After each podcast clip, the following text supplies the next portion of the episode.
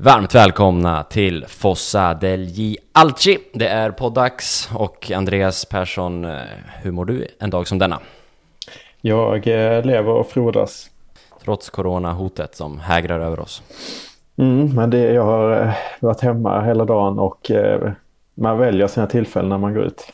Vi har en annan röst med oss idag och eh, för första gången sedan återuppståndelsen i Fossa degli Alci så har vi en gäst med på tråden. Så Kerim, han får inte vara med idag, då har han petad.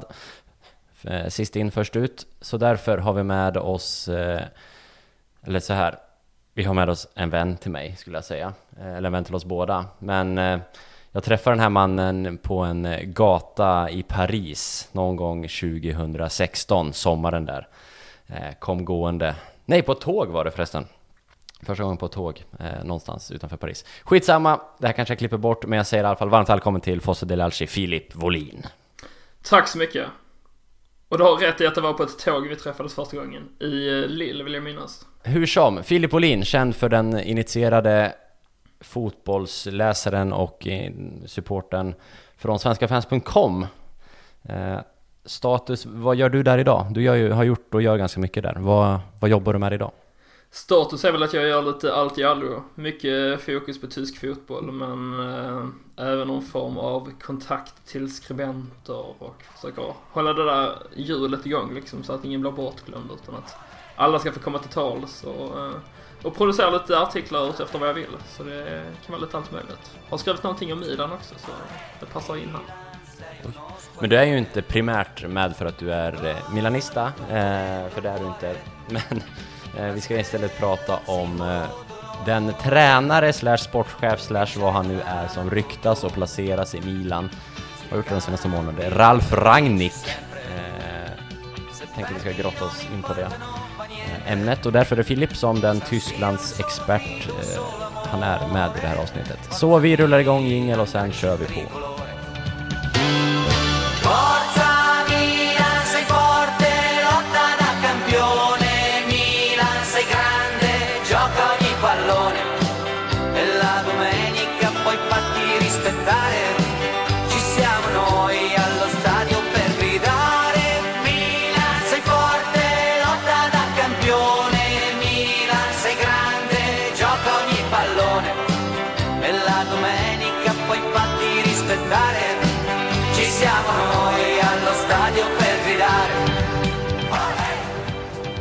Säger att du inte är primärt en Milan-supporter Filip, men jag vet ju eftersom jag känner dig att det var Milan en gång i tiden som var laget i ditt hjärta.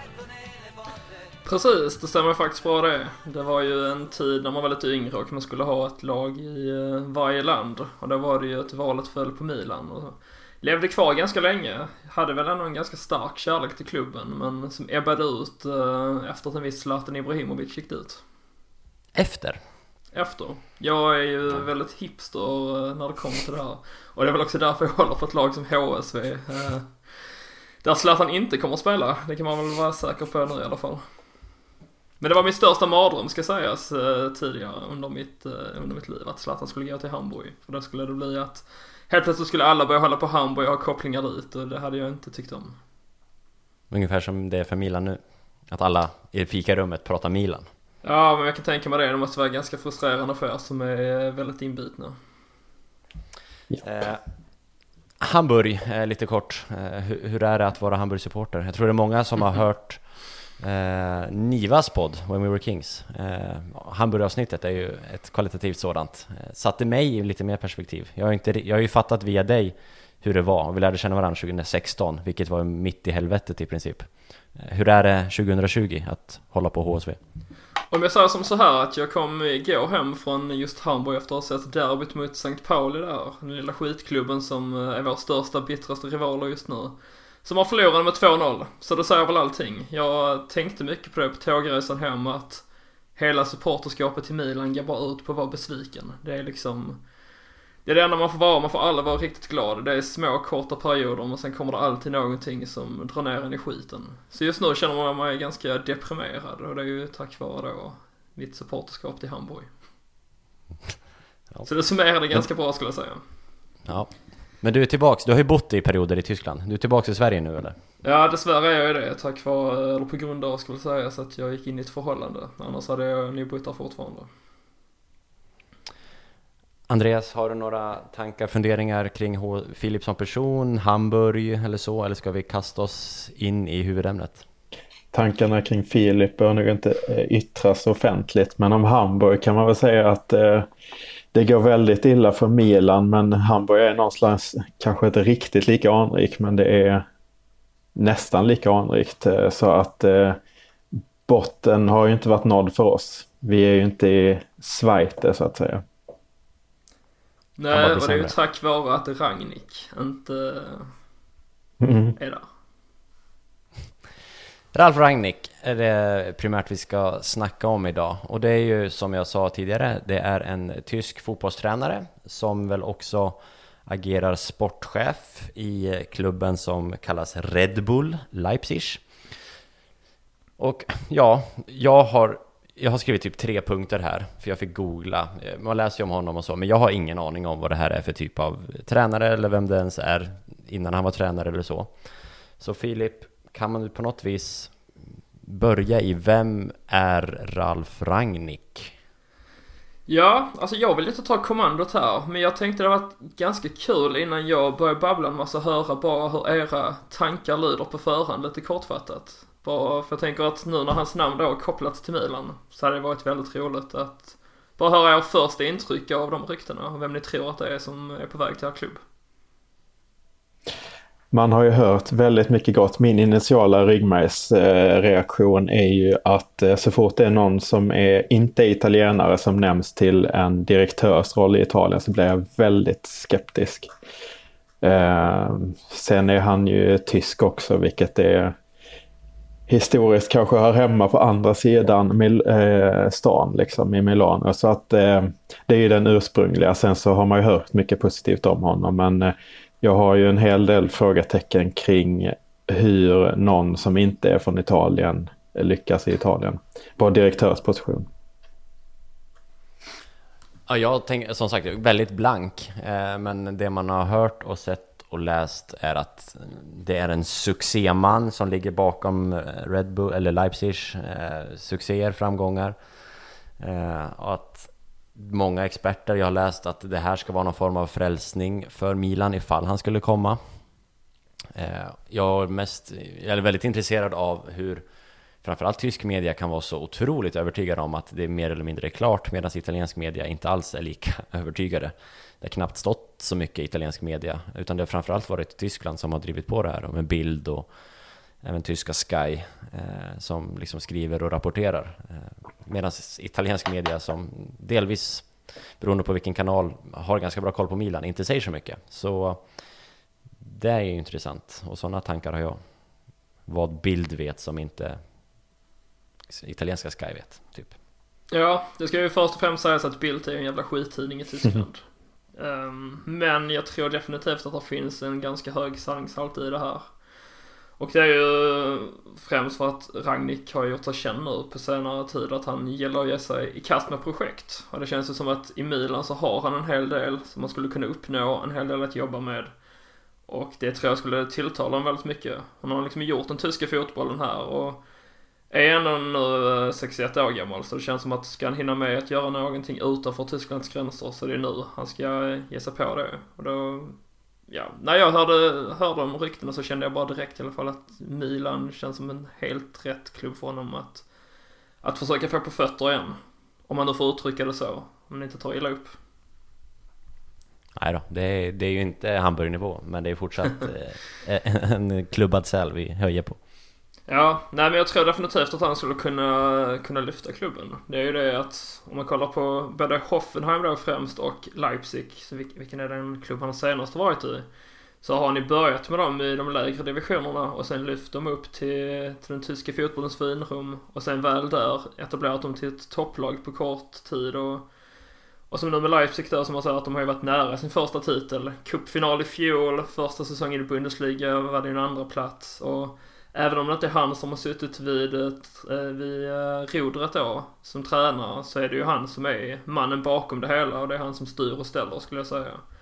Och det är väl också en av anledningarna till att han har klivit tillbaka nu inför den här säsongen när Julian Nagelsmann, succétränaren, tog över Leipzig. Så men jag tror att han saknar, saknar att vara den här nyckelfiguren och det kommer han i så fall bli i Milan eftersom det talas om att han både ska vara tränare och sportchef. Så bara för att för tydlighetens skull, bland annat för mig själv, han är just nu arbetslös, mer eller mindre? Nej, det är han inte. Utan inför den här säsongen, eller rätt sagt efter förra säsongen, så klev han ju av som tränare för Leipzig i och med att Nagelsmann skulle ta över. Och samtidigt klev han också av som sportchef för Leipzig för att istället ja, ha hand om hela koncernen eh, Red Bull. Där är ju fyra klubbar tror jag det är då med Leipzig, Salzburg, New York och en brasiliansk klubb. Och det är det han som ska se till att alla de klubbarna har rätt spelare och att de är på rätt väg. Och eh, ja, jag känner ju inte Ragnik personligen men min känsla är ju att han inte riktigt är nöjd med den positionen utan att han vill ju, vill ju vara där och bestämma och ha en väldigt tydlig roll. Och därför tror jag då att det här med Milan, att det finns sanning i det. Att han inte nöjer sig med att bara sitta och, och se vad som händer i Brasilien liksom. Utan att han hellre vill, vill stå där nere vid planen och, och försöka leda laget mot framgång istället. Skulle du se någon primärt som tränare eller sportchef, direktör eller är det någon form av, han ska ha allt samtidigt? Det är väl det att jag, alltså han känns som en, som en person som vill ha väldigt mycket kontroll. Jag kan tänka mig att han är väldigt pedant eh, utanför Alltså i privatlivet då vill ha välstädat där hemma och rent och fint och sånt där. Ordning och reda, det tyska sättet. Kan jag verkligen tänka mig. Um, så det är väl det att han vill, han brinner så mycket för det. Fotbollen är ju liksom det som, som han lever för och där vill han väl både ha kontroll på, på vad som sker på planen då och även då vilka spelare han kan använda sig av och och vilket mål klubben arbetar mot. Och det gör han väl bäst då som både tränare och sportchef. Vilket han då har bevisat tidigare att han klarar av. Så det tror jag inte kommer vara något problem för honom att hantera båda dem samtidigt. Även om det givetvis är två tunga poster men men jag skulle väl primärt se honom som en sportchef som sitter på tränarbänken, om ni förstår vad jag menar. Att det är han som, som styr och ställer helt och hållet på alla fronter. Så, ja. Vad har han för styrkor då? Vet man det liksom? Hans styrkor är väl att han är väldigt initierad i det han gör. Att han, om man då kollar på Leipzig, så att även då när de spelade i andra ligan så kunde han få väldigt högt skattade spelare att skriva på där. Och det är ju tack vare då att han, han lever sig in så mycket i det och och kan få folk att, att tro på hans projekt. Och sen så visar det sig också att de, de har ju nått stora framgångar på kort tid. Och det är ju tack vare honom utan tvekan. Så det skulle jag väl säga. Det, det, är inte tack vare Red Bull då? Eller hur mycket, alltså, hur mycket skiljer sig Leipzigs lönebudget så att säga? Är det, det, det är väl klart att pengarna spelar roll och det har han ju varit tydlig med också att för att kunna bygga ett framgångsrikt lag så har det handlat mycket om uh, och de tre K som man benämner det och det är då, det blir på tyska då, men det är kompetens, kvalitet och så, ja, då blir det... Cash! Cash! Ja men precis. Nu kommer jag inte ihåg vilket ord de använder men det är mer liksom finanser. Men det är, det är det som krävs för att bygga ett lag och nu är jag inte så insatt heller i Milan men som jag förstått det nu så har man ju då fått en investerare som faktiskt vill uh, pumpa in pengar. Och det är väl det som krävs också för att han skulle kunna vilja hoppa på ett sånt här projekt. För han är inte heller den som, uh, som skulle ta till Milan som har noll kronor i kassakistan och sen försöka göra magi av det. Utan han, uh, han vill ju ha sina pengar för att kunna, kunna göra någonting bra av det. Nej, cashen finns i Milan. Vi har ju spenderat väldigt mycket på senaste tiden. Uh, problemen är ju de här, den här financial fair play det är vissa, i alla fall utomstående, som glömmer det. Men Milan kom ju liksom en poäng från tredje plats förra säsongen och skulle ha spelat i Europa. Eh, men eh, blev utslutna. Eh, då blev det ju från Europa League. Eh, och med tanke på vad som har hänt med City nu så får man ju ändå ta de, de eh, begränsningarna eh, seriöst. Så att det är väl det som håller tillbaks mm. Eh, investeringar. Nej det är väl klart att Europa är väl en stor faktor också till att han skulle vilja gå till Milan. Ehm, sen känns det som att han gör ju inte detta för att på kort sikt göra laget till, till den stora vinnaren i Italien, om ska säga, utan det här kommer ju ta några år. Men, men eh, ja, det är väl ordning och reda som man ska få i klubben då. Det känns väl som att det kan vara ganska behövligt. Ja, ordning och reda och struktur över tid lockar ju såklart eh, en sån. Alltså det, det, låter ju såklart jättebra, jätteintressant. Eh, sen vet ju vi att ordning och reda och struktur över tid krävs, alltså om han nu vill ha gå in och ha ett, något, inte ensamma svar, men ett stort inflytande över många, så är det ju många i nuvarande ledningen som förmodligen skulle behöva stryka på foten, tänker jag. Eller ta ett steg tillbaks, vilket jag kanske tror att de inte alla skulle acceptera. Vi har ganska många starka namn i ledningen, fler starka namn än vad vi är vana med att ha i Milan just nu. Så frågan är ju lite vem som bestämmer. Eh, och jag, jag vet inte om jag sa det i introt, men ett, ett, så en tanke med det här avsnittet är att diskutera egentligen två spår. Varav det ena är, det ryktas ju tidningsvägen att eh, Ralf Rangnick är Ivan Gazidis primära val. Och Gazidis är ju klubbens VD på pappret. Medans Maldini och kanske även Boban skulle föredra att plocka tillbaks Allegri till Milan, ryktesvägen. Eh, så det finns ju just nu två spår som det ser ut, eh, ryktesvägen.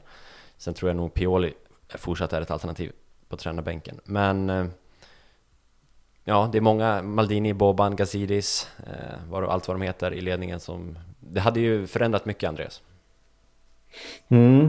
Och där eh, nämnde du inte då Fredrik Massara som faktiskt är vår sportchef just nu på pappret. Eh, och han är, finns ju tillgänglig. Man ser ju liksom honom på läktaren bredvid Maldini och, och Boban och sånt där. Men ingen pratar om honom någonstans. Så det är så svårt att veta redan nu i vår ledning vem som gör vad. Eh, jag vill absolut ha kontinuitet och det är ju det som har saknats. Eh, för mig spelar det egentligen inte så stor roll kanske om det är Mirabelli Fasone som sitter eller om det är Leonardo som sitter eller om det är eh, det här gänget då med Boban och Maldini och Massara som sitter för att eh, jag tror att alla hade gjort det tillräckligt bra för i alla fall nå Champions League. Problemet är att vi har bytt sportslig ledning varje säsong de senaste tre, tre åren. Liksom. Och det är det är där kontinuitet är vikt, eh, som allra viktigast, ännu viktigare än på tränarpost och så vidare. Så att eh, kontinuitet vill man ha men det är ju också bra såklart då om man väljer rätt eh, personer som får kontinuitet. Men det har inte riktigt känts som att det har varit något första val heller då, främst på tränarfronten som man har plockat in, utan det har alltid blivit någon form av andra valet då för att man inte har kunnat få den man egentligen har velat ha.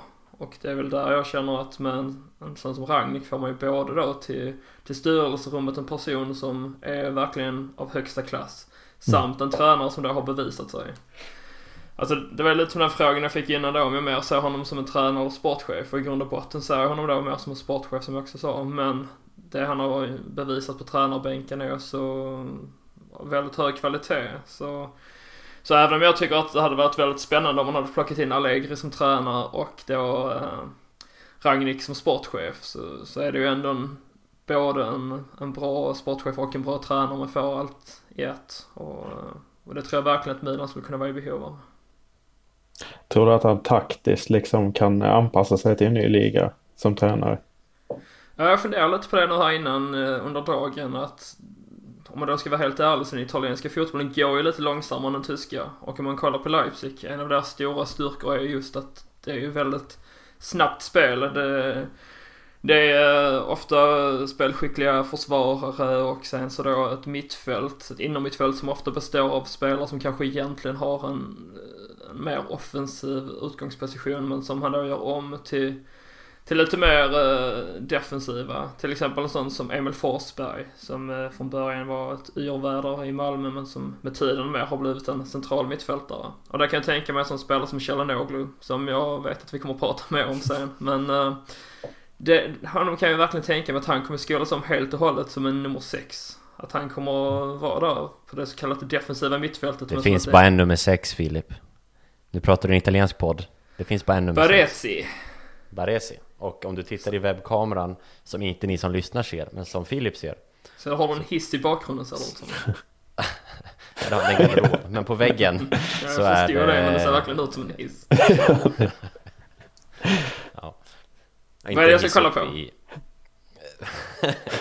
det är jättedålig podd där, men där, jag pekar nu.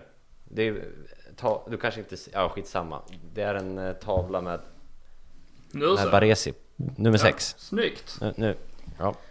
Eh, ja men då får jag be om ursäkt för att jag trampat upp tårna. Det känns ju också lite med, med Italien att det, det är det, det som jag så tror kan tala emot det här hela att om man nu jag hör ju på er redan att ni är då negativa bara för att han är tysk. Jag menar kom igen, ni håller på ett lag som, eh, som inte har vunnit en titel på snart tio år. Då är det väl dags att man provar något nytt än de här Gianpoli och Sissidassi och allt vad de heter. och att man kör lite raka rör med Tyskland. Nej men jag tror att han, alltså det kommer vara en, i grund och botten en 4-4-2 uppställning med med eh, två innermittfältare som är mer eh, skickliga, än vad de är i rivjärn om ni förstår. Och sen, eh, sen en eh, renodlad nummer nio längst fram, typ Timo Werner då i, i Leipzig som varit helt fantastisk. Och sen någon där bakom som är lite mer spelfördelaren. Och sen så eh, snabba yttrar som kan mata in inlägg. Men jag tror definitivt han kommer kunna anpassa sig. Frågan är bara om han behöver byta ut hela laget då för att få kunna spela den fotboll han egentligen vill.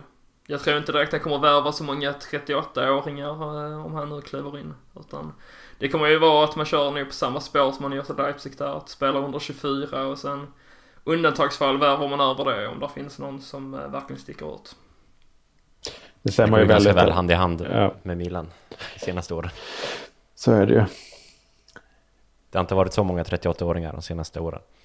Nej typ visst, en- men det känns ju ändå som att, som, som, som Simon Kjär, visst är det förmodligen en, en nödlösning då att man plockar in honom, men det tror jag inte att man kommer göra, utan det kommer vara att man värvar en spelare för att man kommer tro på honom och satsa på honom och eh, förmodligen kommer det också ge resultat. Det är väldigt, väldigt sällan som han har stått för någon felrekrytering och när han väl har gjort det så har han varit väldigt snabb med att åtgärda det genom att ta bort spelaren. Så att inte den bara ska sitta och, och tjäna pengar utan att göra någon nytta.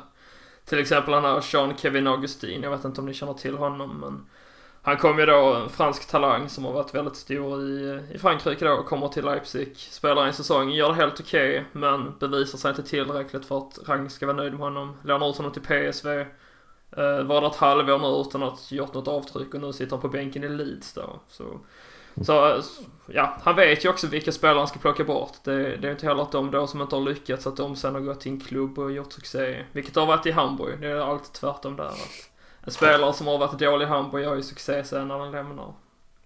Eh, kanske då Chalanoglu är ett av få undantag men men alltså, jag, jag bara känner rent allmänt att de spelarna han kommer plocka in kommer också att, uh, kommer att leverera för att det är spelare han verkligen tror på, spelare han verkligen vill ha i sitt lag.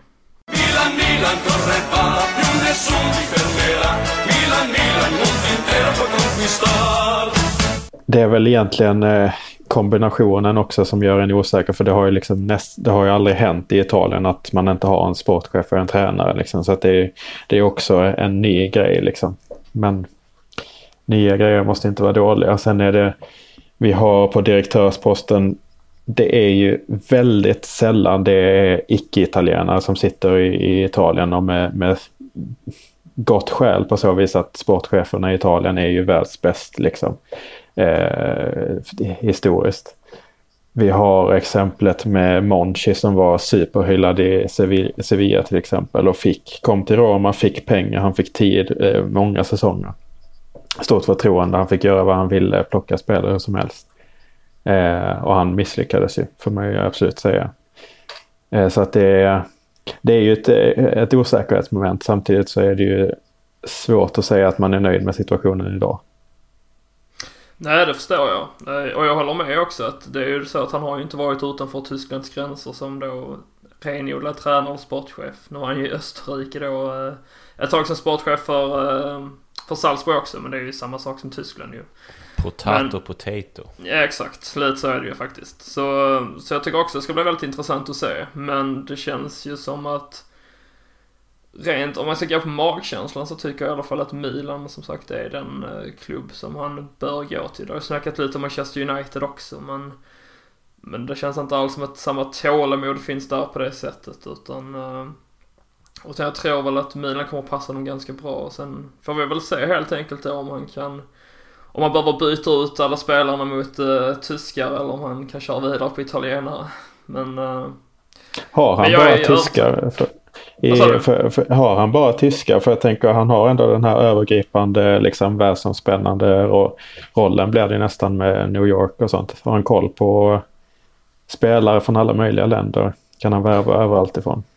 Det skulle jag säga. Det är definitivt inte bara tyskar i, i Leipzig utan det är väldigt blandat där. Sen är det klart att centralstommen i mångt och mycket är ju tyskar och eh, och en regel han har haft då till exempel under sin tid i Leipzig är att i omklädningsrummet ska det bara talas eh, antingen tyska eller engelska. Så att mm. det är ju till en fördel också om man har då spelare som, som både känner till fotbollen och känner till språket och kulturen och allt det här. Men, men jag tror definitivt inte att han kommer komma till, till en klubb som Milan och fasa ut alla italienare. Det, det kommer han ju inte. Men, men uh, han kommer säkert kunna värva en annan tysk, absolut. Uh, och där tycker jag att Timo Werner hade varit en spelare som nog hade kunnat göra stor nytta för, för Milan, definitivt. Och annars är Emil Forsberg en spelare jag tänker på som, eh, som jag verkligen skulle kunna tänka mig att han plockar med sig till, till Milan. Mm. Vilket har ryktat om tidigare att han har varit på gång där, men han har ju, han har ju stannat i Leipzig så.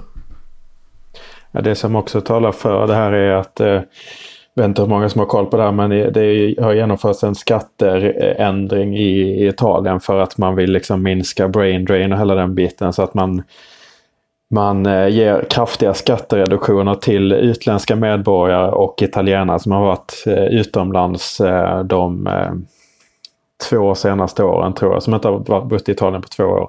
Om de kommer hem till Italien så får de eh, kraftigt sänkta skatter. Jag tror det ligger på typ 80 eh, lägre skatt för, eh, för alla möjliga. Men fotbollsspelare har fått 50 då. Och det börjar gälla nu 2020 eh, i januari. Så det var väl därför mycket som inte värvade Eriksen till exempel. Och flera andra från Premier League. Så att det kommer att vara mycket billigare för italienska fotbollsklubbar att köpa utländska spelare. Eh, eller inte köpa dem men att betala deras lön.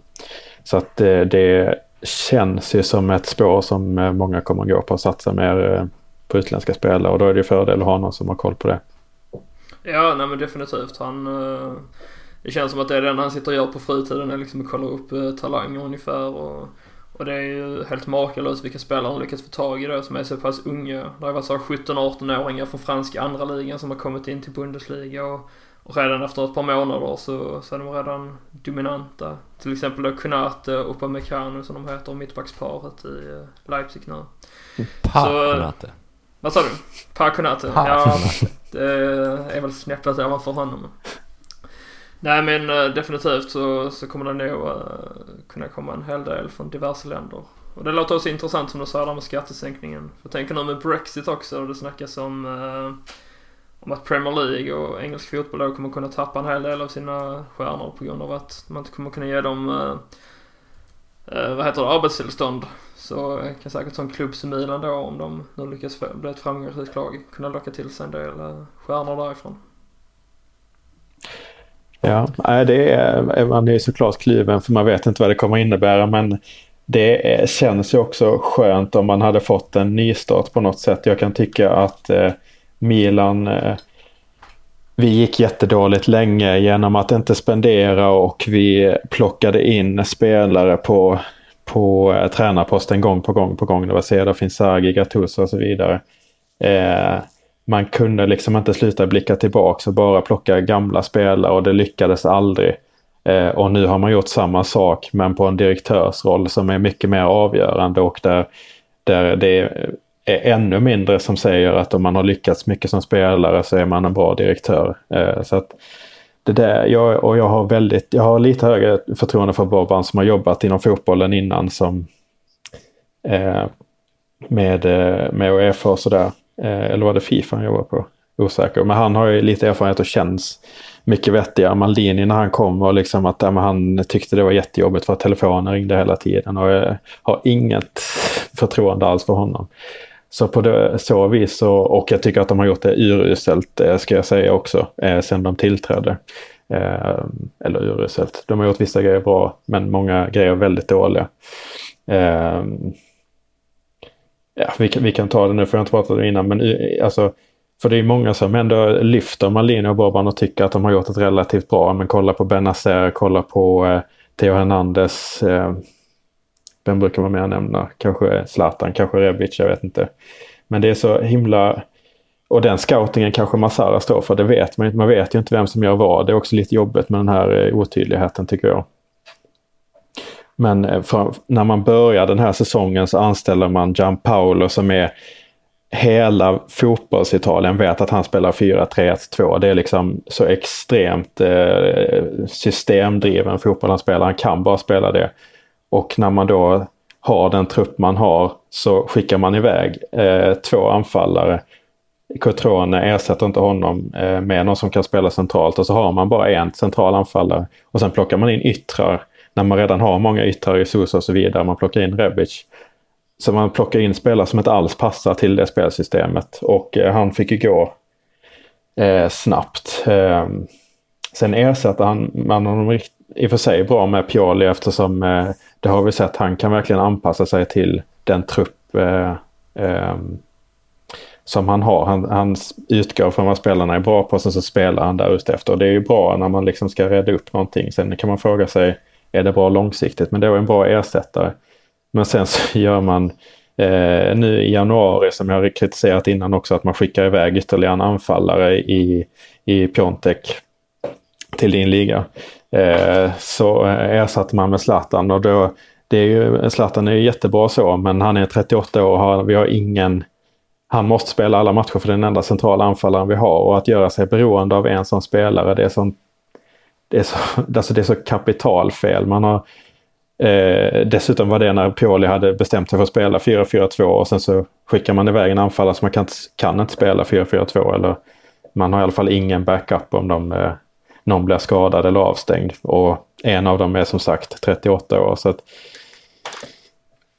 det är så stora, alltså stor, jättestora fel man har gjort eh, som gör mig skeptisk och då kan man, tycker jag inte man kan eh, Alltså att man har gjort bra scouting på vissa spelare. Visst, Benazer har gjort jättebra, men är det också rätt att plocka in en ung spelare från Empoli som ska styra hela mittfältet på, för Milans central, alltså Milans mittfält och göra sig beroende av honom. Det, också, det hade också kunnat gå helt fel. Liksom. Så att det, det är så mycket som eh, inte stämmer där. Så att jag, är, jag vill ju ha kontinuitet men det kanske är lika bra då att man börjar på ny kula igen och börjar med kontinuiteten nästa, nästa sommar då. Jag, jag ska bara flika in jag skulle precis, uh, jag ska bara säga det att jag hör ju det med allt du har sagt att det ni behöver det är ju lite hederlig tysk struktur.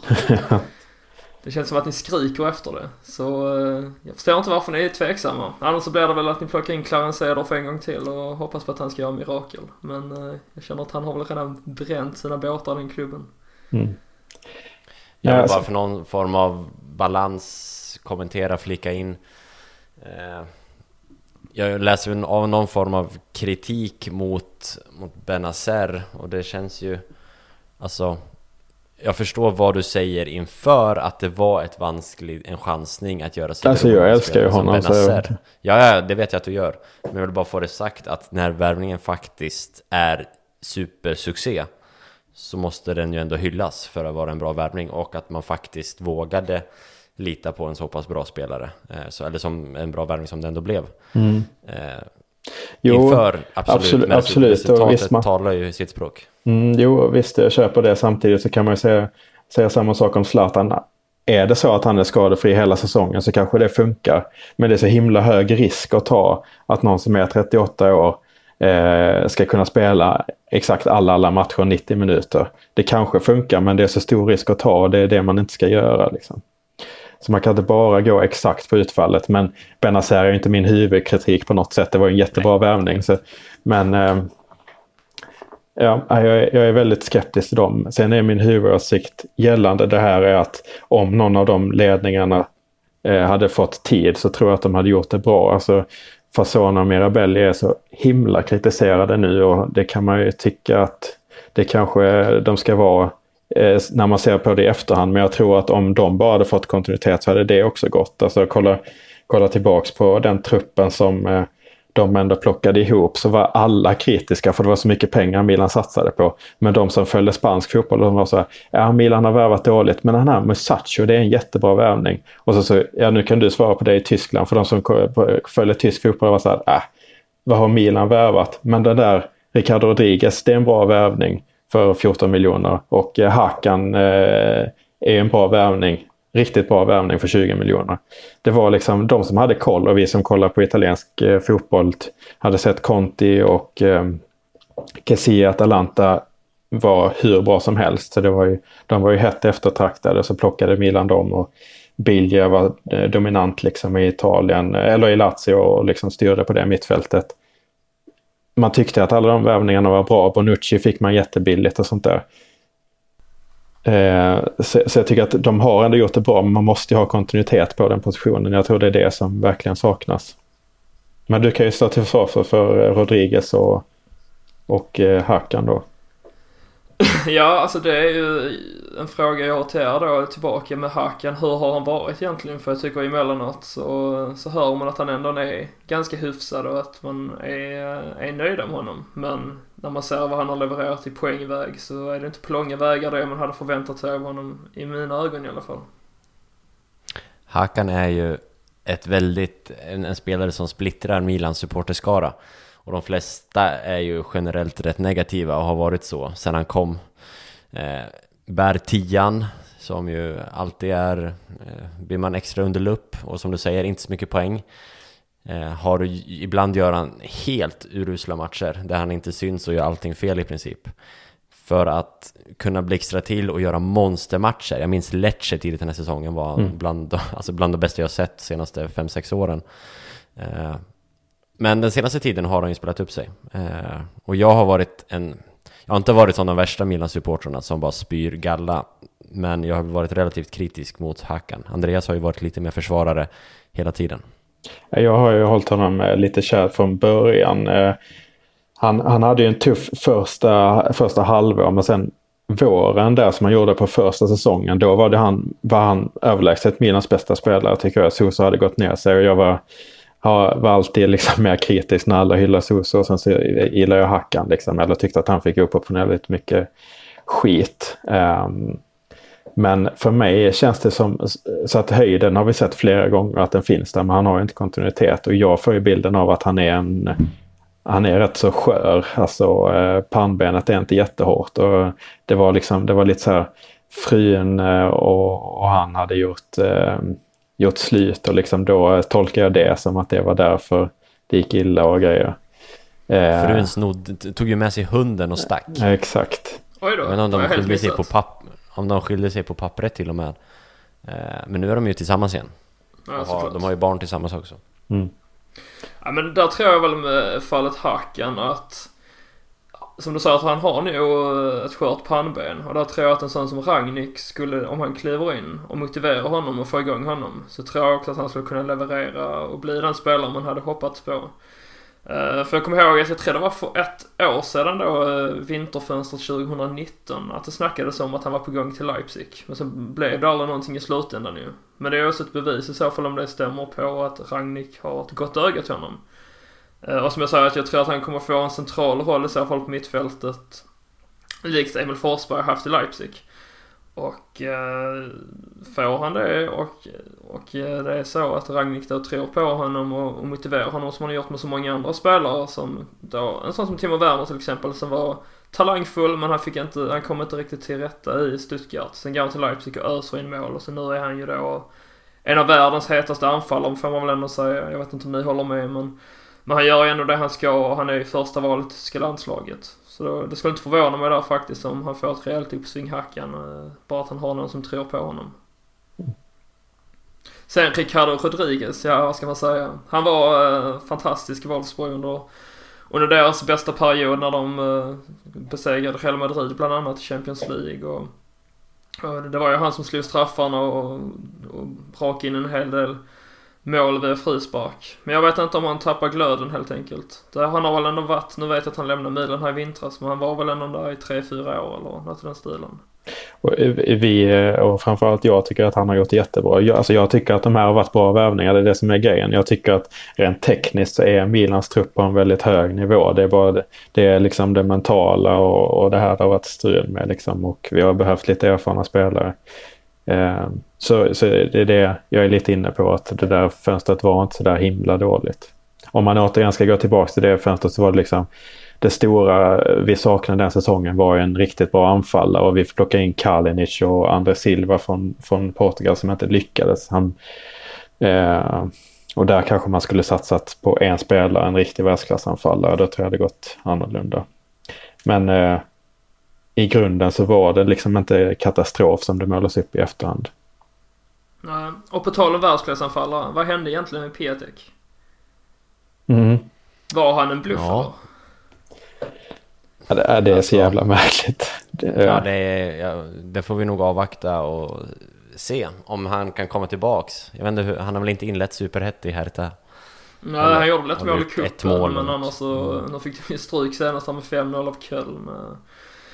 Och grejen är ju den att man känner för ett år sedan var han ju verkligen stekhet, öste in mål och det var ju flera klubbar än Milan som var på jakt efter honom om man säger som så. Och sen nu då ett år senare bara så väljer man att sälja honom. Jag hade ju förstått det mer om man valde att låna ut honom då till en klubb som Hertha Berlin hade kunnat kännas rimligt för att han ska få tillbaka självförtroendet och börja göra mål igen och sen komma tillbaka till Milan.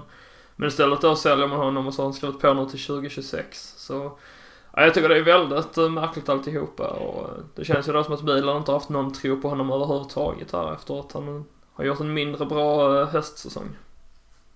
Ja, jag har jättesvårt för det. Jag tycker också det är mycket kritik ska riktas till den sportsliga ledningen för den övergången. Dels för att vi inte har något alternativ, liksom, men det är okej om, man, om Tottenham som var eh, intresserade, om de hade hostat upp mycket pengar, de hade verkligen behövt honom just nu också, men eh, hade de höstat upp liksom 50 miljoner eller något sånt där, då kan man ju sälja liksom, men att man går till, det måste ju finnas bättre alternativ än Hertha Berlin liksom för 20 med, och ändå sälja, sälja med förlust liksom. Han eh, fanns ju inte på fotbollskartan för väldigt många klubbar innan han gick till Genoa. Och han var ju liksom inte super, alltså han var ju inte tonåring när han kom.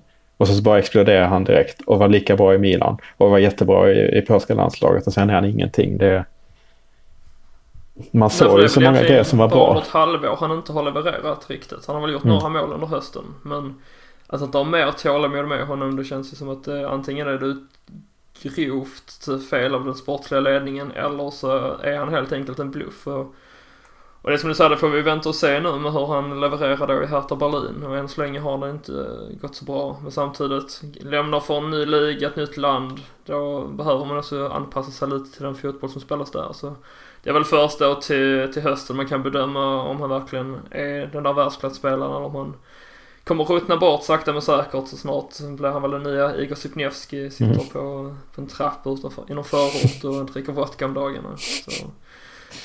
Äh, Sitter, och, ja exakt. sitter med pickadollerna i trappuppgången. Just det. Ja det är synd. Jag tog, jag tog till mig Piontek och jag hade otrolig förhoppning och tro på honom. Men om man visar sig vara en dunderbluff som aldrig mer kommer göra mål kontinuerligt då... Det finns, ju- alltså det finns en anledning till att Tottenham backar ur och de hade ju fått honom för betydligt mindre än 50 också. De hade nog fått honom för 30. Ja, ja, det tror jag också. Men jag tror att eh, det var ett misstag av, av Tottenham att göra det. Men det, det, det är en annan sak. Jag, det var så mycket som såg bra ut kring honom så jag har svårt. Han sa ju själv att han var nedtränad och återigen har vi också det här problemet som eh, med den sportsliga ledningen att de sålde alla anfallsalternativ så han behövde spela exakt varje, varje match. Liksom. Så han hade ju inget... Det var en grej om man, någon annan anfallare fått chansen några matcher liksom, så man kanske kunde komma igen och liksom på något sätt. Men eh, det var ju dåligt för både Milan och för Piontek tror jag att det fanns inga alternativ. Nej, vi får väl se om Ragnik äh, värvar tillbaka honom kanske. om han in. Men jag tänkte, är det någonting mer eh, ni vill veta om honom egentligen? För jag känner, jag har inte känt mig så värst strukturerad när jag har snackat om honom. Men det är sådär att gå igenom hela hans karriär som tränare är inte heller så intressant. Han har ju varit aktiv sen, sen på 80-talet liksom och det är väl egentligen först nu under 2000-talet han verkligen har bevisat sig vad han, vad han går för. Och sen är det då hans roll som sportchef där han verkligen har imponerat mest skulle jag säga. Jag läste någonstans att han var delvis inspirerad av Arrigo Sacchi, att det var en av hans stora tränarförebilder. Vem fan är Eh. Rico Sacchi? Jag ser bara Davids blick där. Skämtar du? Nej, jag skämtar inte. Nej, då kan vi hänvisa till, eh, om du kan ju inte bara lyssna på Hamburg-avsnittet med Erik Niva, då kan du ju även ta Milan-avsnittet så kan du lära dig vem Sacchi är. Klopps, Ja. Enda, i- Klopps enda inspiration också. När var han aktiv då? 80-90 Riktigt, ja. Ja, fan, men det är ju innan min tid. Ja, jo det är det. Ja, men det var ju sån eh, tränare som Milan plockade upp. Eh, Ignorant tysk. Berlusconi plockade upp honom eh, från, eh, från en liten klubb liksom och eh, trodde på honom och sen så spelade han väldigt speciellt. Eh, Mm. Och det har satt avtryck på, hos bland annat Klopp. Men Det var ju ett ganska bra Milan-lag där 80-90-talet. Det var ju det. Det var ju också det som fick mig. I och för sig var det inte från tidigt 2000-tal jag eh, fastnade för Milan. För det var ju då jag upptäckte fotbollen först. Men eh, ja, vilket lag de hade på den tiden. Det är ju det som också gjorde att man tycker om Milan som klubb. Eh, nu har det inte alls varit så de senaste åren. Men det här med att man, man körde på med samma lag i princip 10 år. Och, och nådde ju framgångar med dem. Och även då när de kom upp i ålder så var det ju ändå att de gjorde avtryck. Till exempel Inzaghi. Man minns ju när han blev inbytt i matcher mot eh, Barcelona och Real Madrid i Champions League. Och fem minuter senare, jo visst, då, då gjorde han ju mål. Så eh, det är väl kanske det man behöver bygga igen. Ett nytt sånt lag med spelare som verkligen vill vara i Milan och som, eh, som tror på projektet Milan och som vill nå framgångar med klubben. Och som inte bara ser det som en språngbräda ut till, till antingen då en klubb i utlandet eller till, eh, till större klubbar som Inter och Juventus. Större klubbar och större klubbar. Nej, jag skämtar lite. Men det förstår vad jag menar. Det var- att det känns ju ja. att Milan har ju, alltså, de är ju inte så attraktiva längre som de tidigare har varit och locka till sig de här spelarna. Eh, Sen att Zlatan går dit kommer ab- säkert göra någonting men. Jag vill bara slänga in det, typ som Piontek, som ju uttalar sig efter två månader i Milan och Nej, sa att min nästa, min nästa transfer ska, jag ska, nästa gång ska jag kosta 70 miljoner euro och gå till en stor klubb typ. Sen kostade han 22 och gick till Hertha Berlin istället. Ja, nej det, blir, det är väldigt intressant att följa där. Men eh, nej men det summerar också det lite grann att, eh, att inte har varit den här klassiska storklubben. eh, På pappret är det ju det men, men i verkligheten så har, har inte spelarna sett och, och att en spelare som Chalanoglu har nummer 10 det säger oss en del. Det ska Rui Costa ha. Mm. eh, nej, absolut. Nej, men jag är, är väl, det låter ju väldigt mycket på allt det säger som, dels hade det varit skönt med, med den här eh, bristen på tydlighet idag, vad som, vad som, eh, vem som gör vad och hela den biten. Men allt det säger stämmer ju väldigt mycket överens om vad Gazidis, eh, alltså den för, förre Arsenal eh, direktören som nu är, är vd eller direkt, eh, teknisk direktör eh, vad han vill med Milan. Så att det känns ju väldigt eh, tydligt nu varför han vill ha Ragnar. Ragnar. Han Om man, kommer ju få det pra- om, man smeknamnet. prat, om man pratar bara likheter, alltså en sån som Arsene Wenger, vi pratar Arsenal, vi pratar kopplingen där. Wenger har ju också varit en sån som faktiskt har haft ett ganska stort sportsligt helhetsansvar. Är, han, är det på något vis jämförbart med Wenger och Ralf Ragnar? Ja men åt det hållet är det ju. Min uppfattning om Wenger är också att han har velat ha extremt mycket kontroll på allt som sker, har skett i Arsenal. Och, eh, och det är ju samma sak med Ragnik. Han lämnar liksom ingenting åt slumpen utan ger han sig kast med någonting så ska det vara hundraprocentigt. Och eh, då antar jag också att innan han skriver på ett kontrakt nu med Milan så kommer han ju vilja veta då med eh, Maldini och de här gossarna vad, om de kommer vara kvar eller inte. Kanske redan att han tar ett beslut själv om det, om han vill ha dem eller inte. Sen får väl klubben då agera där utifrån. Men han kommer ju inte skriva på och gå ut som tränare och sportchef. Sen när han väl kommer dit så ska det visa sig att det ska vara fem, sex andra som ska vara med och ta beslut. Utan i så fall är det hans eh, ord som gäller och sen får de andra rätta sig efter det. Mardrömmen är i så fall att han går dit och sen redan efter ett par månader så, så hoppar han av bara för att han känner att förtroendet inte finns där, att det inte är så som man vill. Och så blir det att, man, att Milan då plockar in någon, någon, ny, någon ny gammal tränare kanske, för det är ju inte heller ovanligt i Italien att man eh, plockar in föredettingar som redan har varit där. Men, eh, men nej, det, det ska väl till att, eh, ska väl till att han eh, vet vad som, vad som gäller innan han, han skriver på. Så det får man ju anta i så fall. Jag skulle gissa att han inte sitter helt ensam. Liksom. Eh, man kommer ha någon slags konsilierig-roll, någon rådgivare för att det är, fotboll fungerar väldigt speciellt i Italien och det är en stor kontrast till Tyskland så någon får ju liksom eh, komma med input att ja, men det är så här det funkar i Italien. Sen kan han ju köra på sitt spår men man måste ändå ha någon slags förståelse för, för hur eh, ligan fungerar. Det är, den är väldigt speciell och det såg vi med, med Monchi till exempel. Eh, men jag tror inte att varken Bobban eller Maldini är någon bra på det för de har inte varit i den här branschen speciellt länge, alltså som direktörer.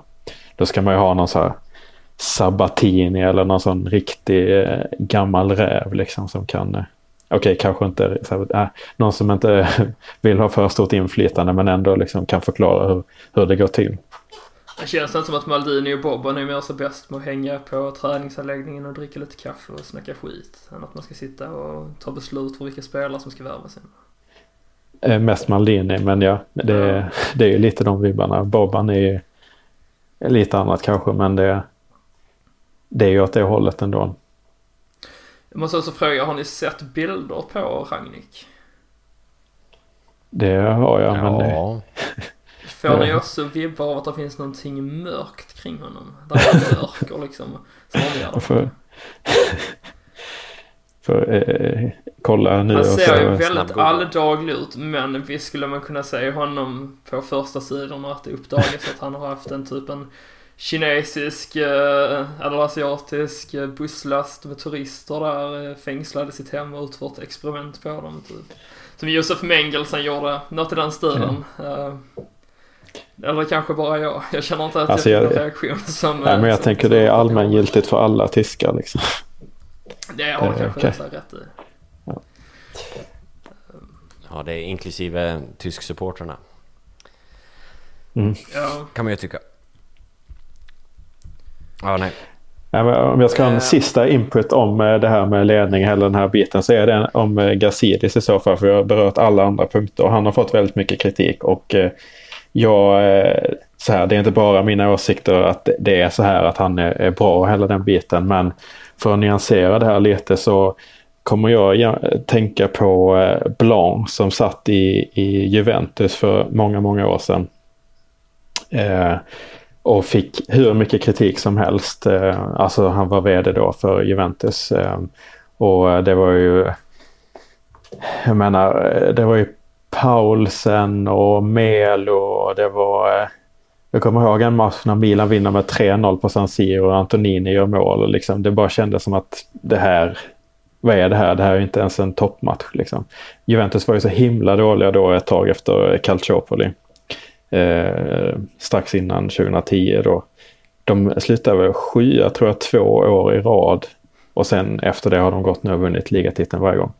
Men då fick ju eh, Blanc som satt där väldigt mycket kritik. Men det han gjorde var att han styrde upp ekonomin.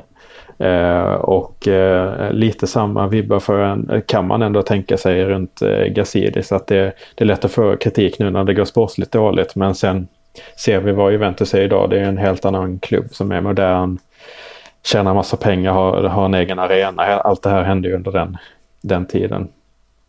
Ja, alltså det gäller att man har tålamod helt klart. Det kommer inte ske underverk över en sommar. Men jag tror väl ändå att bara man får några månader på sig då Ragnik så kommer man ändå kunna märka av att, uh, att det finns ett tydligt tecken liksom. Och just ordet struktur som känns lite som att det är ledordet i det här avsnittet. Uh, kanske det det ska heta. Tysk struktur. um, och, Vad heter det på tyska? Ja, struktur. Såklart. det är inte svårare så. Men, uh, vad var det skulle säga egentligen? Att Ja, det tappar jag. Men uh, ja, jag, jag hoppas i alla fall att Ragnik går dit. Jag tror att, uh, att han kommer göra succé. Så hoppas jag att Leipzig startar ner i avgrunden. För att de, mm -hmm. de ska fan inte vara i den tyska fotbollens finrum. Ja, jag summerar. Det låter ju, jag blir mer intresserad och sugen och alltså absolut för en sådan övergång. Men jag har svårt att se den ske. Jag tror inte på det i Italien. Jag har jättesvårt att se att den här skulle ske, att han skulle gå in, då skulle Bobon och Maldini försvinna direkt. Även om inte Ragnhild själv skulle säga det så skulle de avgå av principiella skäl. Liksom. De tar inte en bakomroll. Eh, och att vara sportchef och tränare, aldrig hänt. Rätta mig om jag har fel, men i Italien. Eh, så jag har, eh, jag har svårt att se att det faktiskt skulle ske på det viset. Men jag skulle vara positiv om det skulle ske. Spontant. Ja, det tycker jag det ska vara också. Um... Men... Jag, jag, kan köpa det för att man ser ändå vad, vad har vi åstadkommit den här säsongen. Det, först så börjar man med, med en idé vi, det, vi kommer, nu har jag tappat väldigt mycket hopp om Champions League. Det känns för långt bort. Atalanta måste liksom kollapsa fullständigt om det ska bli någonting. Då har vi, då har vi ingen, eh, ingen Champions League och vad har vi, vi, vi kommer liksom ingenstans. Vi har ersatt med en tränare som inte har någon kanske filosofi även om han gör det bra så här. Så att var, var är vi på väg? Det känns inte som att vi har någon strukturriktning. Det, det är en mellansäsong men det är ingen mellansäsong som kommer leda till något bättre eh, i framtiden. Så att, mm.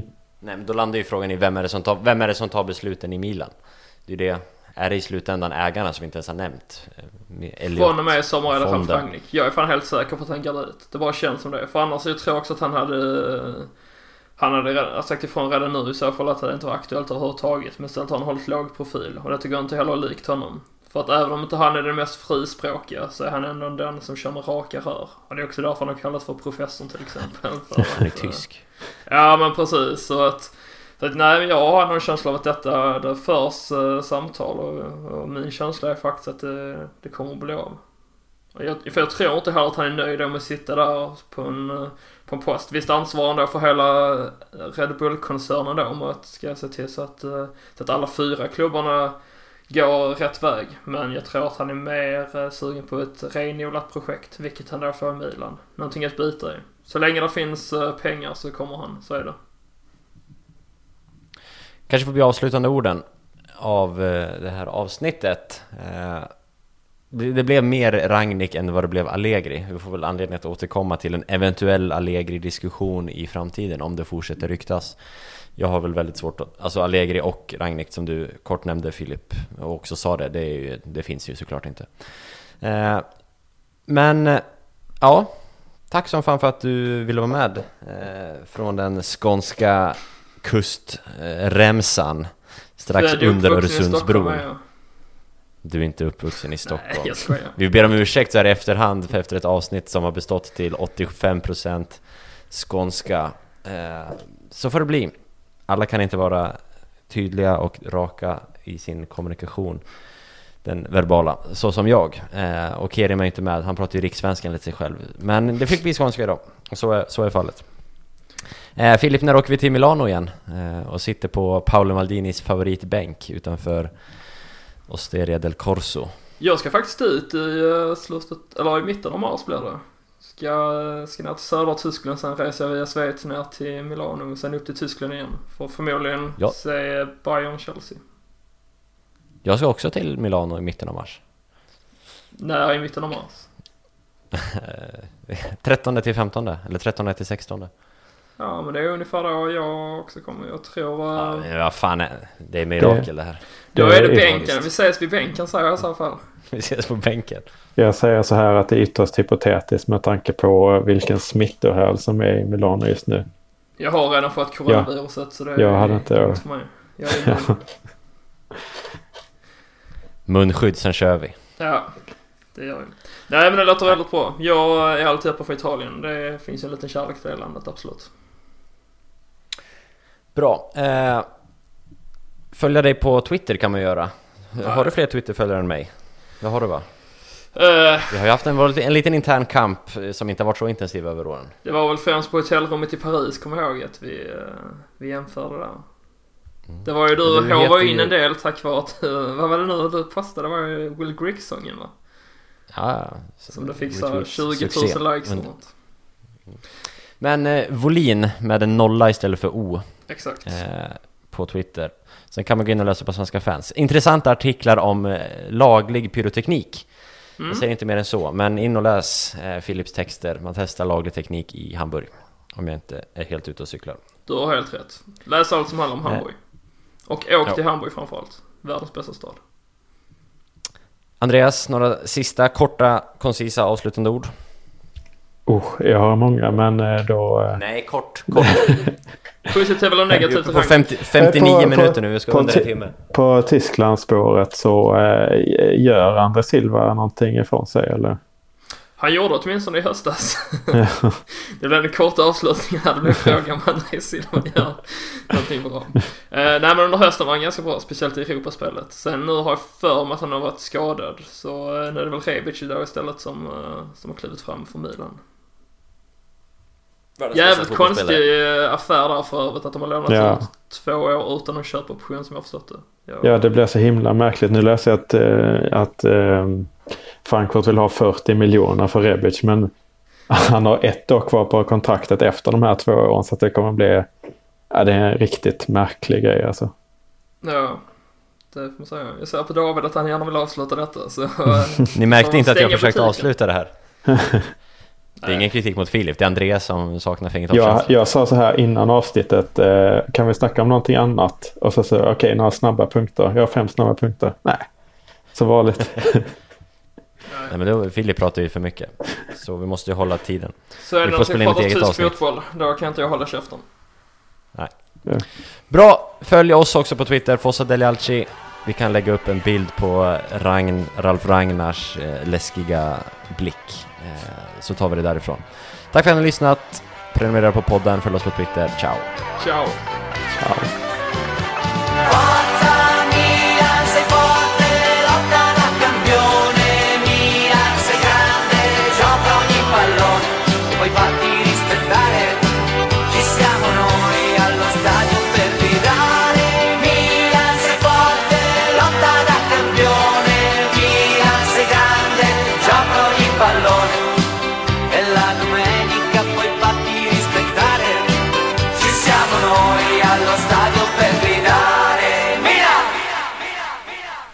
Shi- nej, kyss, vad säger man? Arrivederci. Ja, tjus. Ja, men faktum är att man säger så ciao i Tyskland. Ja. Eh, Började i södra Tyskland, sen har det vandrat uppåt. Copycats.